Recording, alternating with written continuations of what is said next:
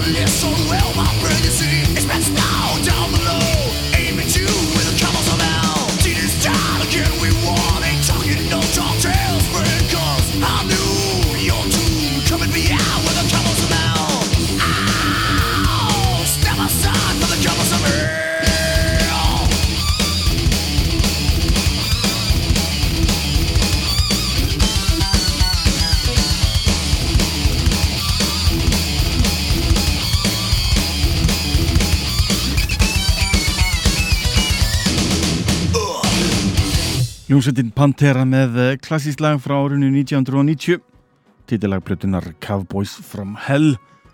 Þetta er eh, svo kallað klassíst rock í dag. Í gamla dag þótti þetta bara þungarokk en þetta flokkast undir klassískinni í dag. Ég sá þetta á uh, stóraskjónum á Hard Rock Café um helgina. Er ég sótti tónleika hljómsveitarinnar Solstafa strax og eftir Eurovision uh, hátíðinni sem haldinn var núnum helgina Það voru stórkostleir tónleikar, hljómsveitin Solstafi stóð sig vægasatt vel og ákvaði ég því að spila lag af uh, seinustu breyðskju sveitarinnar Berdreimin Þetta er lag sem ber nafnið Bláfjall og uh, fjallaði Atti söngvari nokkuð vel um innihald lagsins á tónleikunum um þunglitið sem heldur mörgum sálum föstum. Leif ykkur heyra lagið Bláfjall. Hér er hljómsveitin Solstafir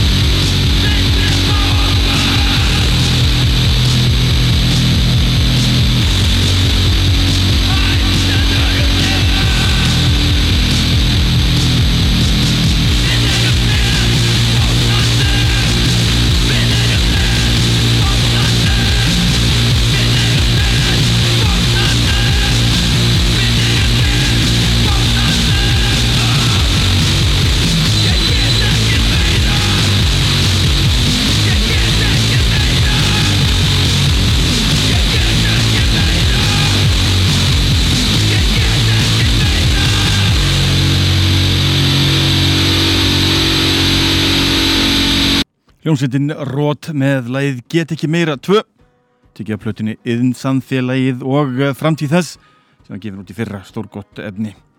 Förum eh, strax yfir til bandarækjan og hlustum á háaðan sem eh, bandaræska hljómsveitin Seyo sendi frá sér.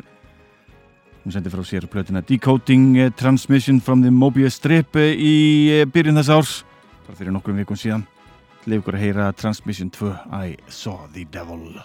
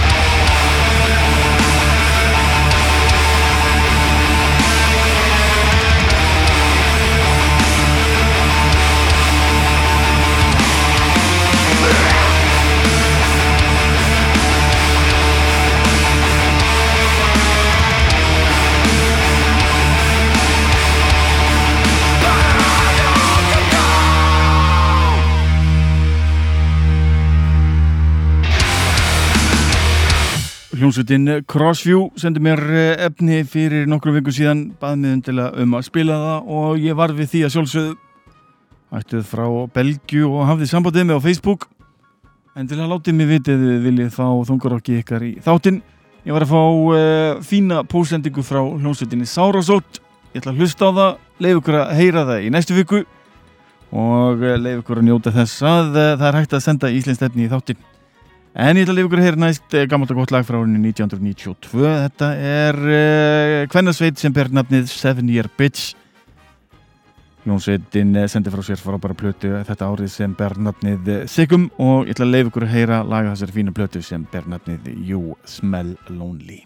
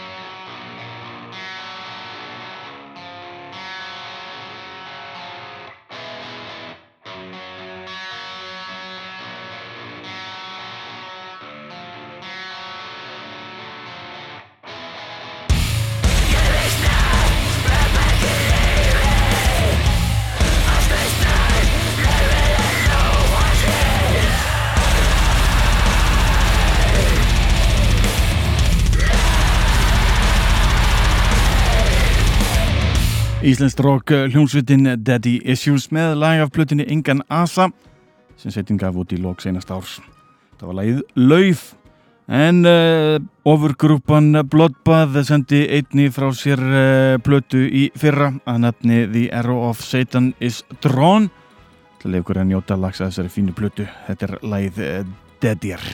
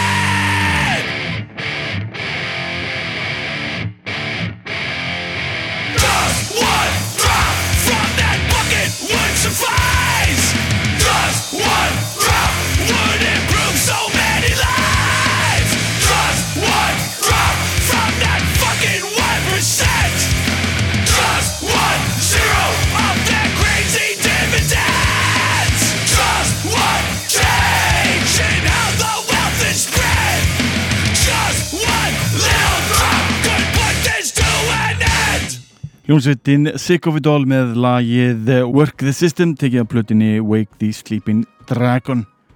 En ég sagði ykkur í upphafi þáttarins að leifa ykkur heyra meira með eh, Marley Manson og félögum hans.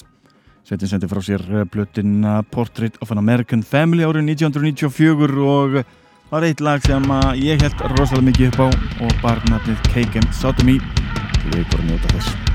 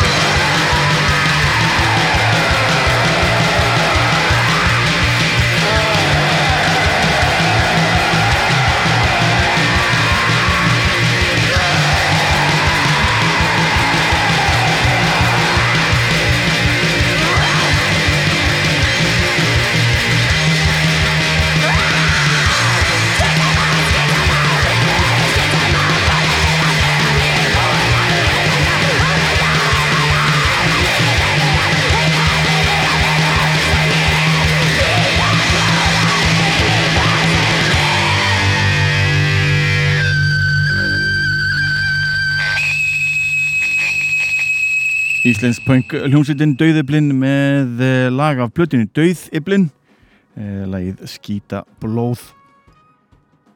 Það þakka ykkur eh, sem hlustuðu á þáttinn en í kvöldur við búin að hlusta á Marilyn Manson In Flames Pantera Solstafi, Rót, Seyo Crossview, Seven Year Bitch Daddy Issues, Bloodbath, Sick of It All Marilyn Manson og nú síðast Dauðiblin Þakka ykkur kærlega fyrir að hlusta á þáttinn og hvet ykkur til að hlusta aftur í næstu viku alltaf nóga rocki að koma út.